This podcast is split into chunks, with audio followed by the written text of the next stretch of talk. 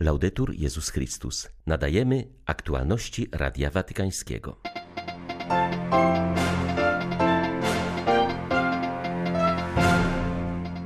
Pierwsza grupa polskich biskupów, którzy przybyli do Watykanu z wizytą ad limina, spotkała się dziś z Ojcem Świętym.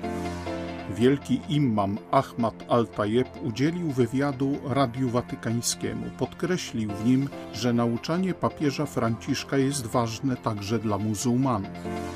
W sanktuarium świętego Józefa w Kaliszu przedstawiciele episkopatu dokonali aktu zawierzenia narodu i kościoła w Polsce świętemu Józefowi. 8 października witają Państwa ksiądz Krzysztof Ołtakowski i Łukasz Sośniak. Zapraszamy na serwis informacyjny.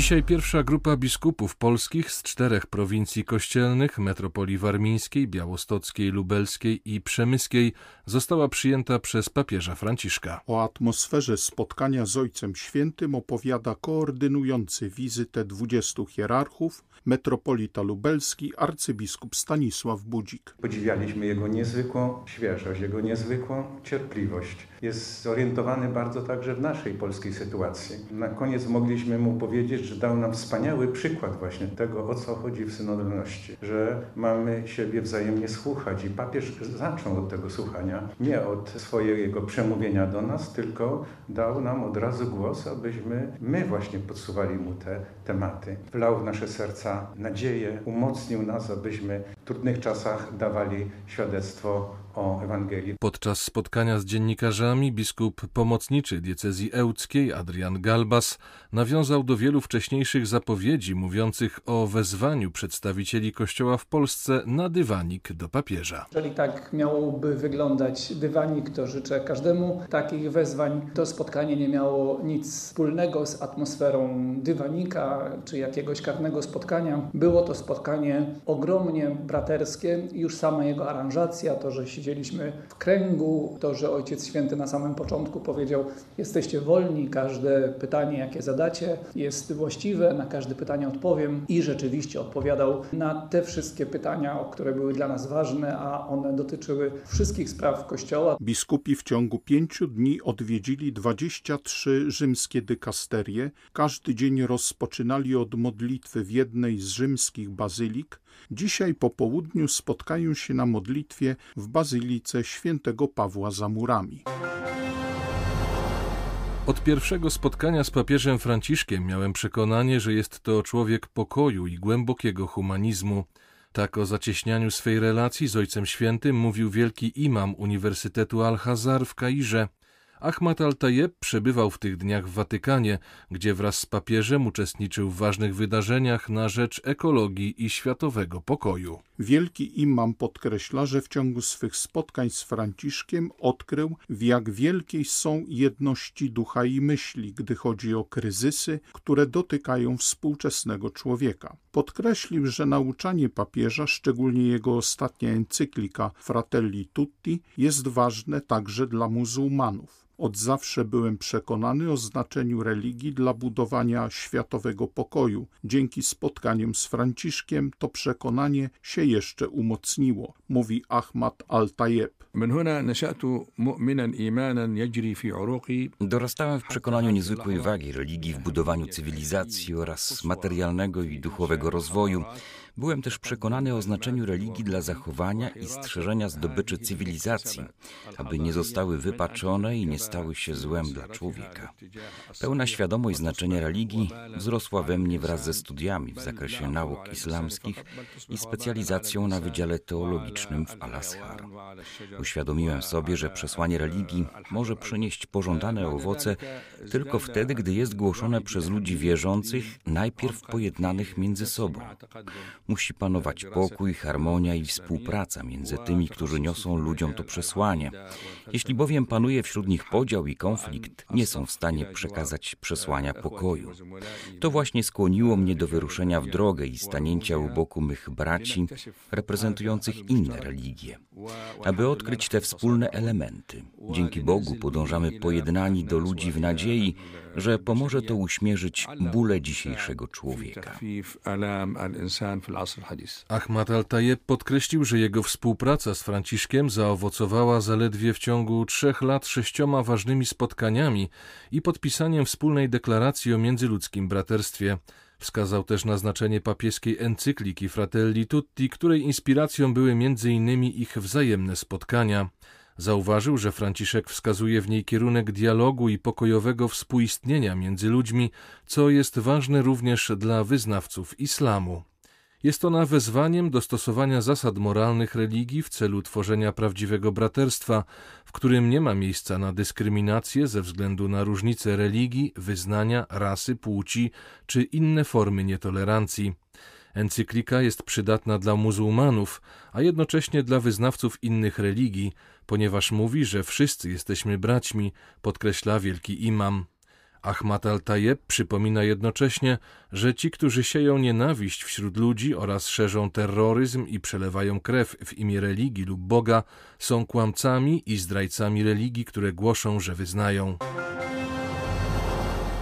Fakt, że zwierzchnicy różnych religii wspólnie uczestniczą w spotkaniu na rzecz pokoju, pokazuje, że religia nie stanowi zagrożenia dla pokoju, a ci, którzy używają jej do szerzenia nienawiści i przemocy, są w istocie niewierzący. Tymi słowami podsumowuje zakończone wczoraj na placu przed Koloseum międzyreligijne spotkanie dla pokoju kardynał Matteo Zuppi. W centrum tegorocznego spotkania znalazła się ekologia, ponieważ, jak zauważa kardynał Zuppi, zbyt często traktujemy środowisko, jakby Ziemia nie była naszym wspólnym domem, jakbyśmy byli tu obcy.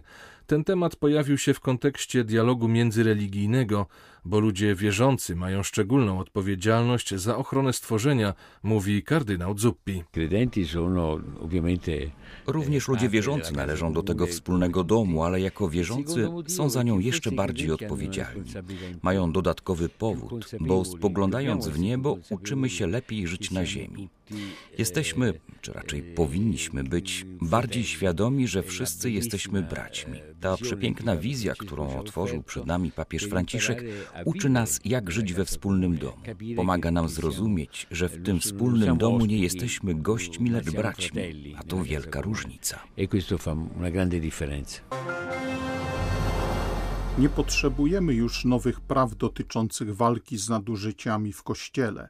Teraz nadszedł czas ich lepszego i bardziej zdeterminowanego aplikowania, a także nowego zaangażowania w formację obecnych i przyszłych kapłanów. W związku z publikacją dramatycznego raportu na temat nadużyć seksualnych ze strony duchownych we Francji wskazuje na to arcybiskup Charles Schikluna. Sekretarz pomocniczy Kongregacji Nauki Wiary, który był współorganizatorem watykańskiego szczytu na temat nadużyć, wskazuje, że obecny czas żałoby wywołany twardymi danymi na temat wykorzystywania seksualnego we Francji trzeba przekuć w determinację i konkret działań, by podobne zbrodnie nigdy więcej nie miały już miejsca.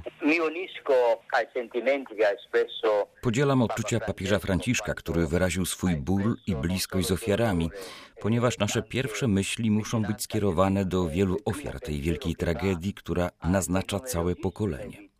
Ale jak przypomniał nam papież, to, co się stało, musi być także okazją do tego, byśmy się zatrzymali i z przekonaniem powiedzieli, że musimy zrobić więcej. Musimy zrozumieć, że ofiary, które doznały nadużyć, upokorzenia, a także traumy wywołanej instytucjonalną osłoną sprawców, są częścią nas. Dlatego musimy działać w sposób bardziej zdecydowany i pozytywny. Arcybiskup Szikluna przypomina, że jak dotąd nikt poza środowiskiem kościelnym nie przeprowadził tak pogłębionego studium na temat wykorzystywania seksualnego.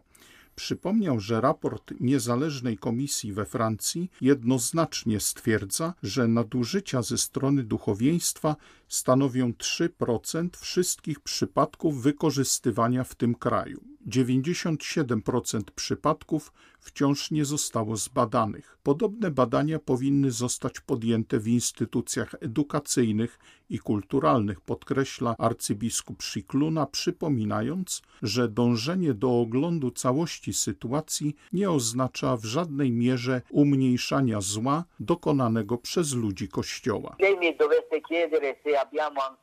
Gdyby mnie zapytano, czy musimy tworzyć w Kościele nowe przepisy, odpowiedziałbym, że nie. Dość już dokumentów, dość pouczania. Musimy podjąć działania. Przede wszystkim potrzebujemy nowego zaangażowania w formację wspólnoty. Musimy posiadać wszystkie informacje, które potrzebujemy, aby móc zidentyfikować niebezpieczne sytuacje, zidentyfikować osoby, które mogą kogoś wykorzystywać. Następnie potrzebujemy determinacji, aby transparentnie reagować na skargi dotyczące nadużyć. Musimy być przekonani, że nigdy nie wolno nam ukrywać skargi złożonej w dobrej wierze, ale należy nadać jej bieg, ponieważ mamy teraz odpowiednie instrumenty legislacyjne. Wydaje mi się, że prawo już jest, jest dobre, brakuje jednak przyjęcia tych norm. Musimy przyswoić sobie te wartości i wcielać je w życie. うん。Przededniu inauguracji synodu na temat synodalności przewodniczący Rady Biskupów Ameryki Łacińskiej podkreśla, że będzie to świetna okazja do rozmów na temat zjawiska migracji, które jest jednym z największych ewangelicznych wyzwań współczesnych czasów. W wywiadzie dla Radia Watykańskiego arcybiskup Hector Miguel Cabrejos podkreśla, że dla biskupów Ameryki Łacińskiej najważniejsze w przygotowaniach do synodu jest słuchanie ludu Bożego. Nie chodzi o przegłosowanie rozwiązań, ale o wspólne słuchanie, co Duch Święty mówi aktualnie do Kościoła, powiedział arcybiskup Trujillo.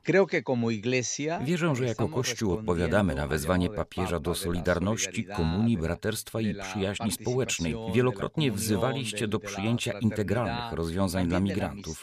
Rządzący widzą w tym jednak problem. Mówią o inwazji, podczas gdy w rzeczywistości wszyscy jesteśmy migrantami. Całe nasze życie jest drogą, na której pojawiamy się przejściowo.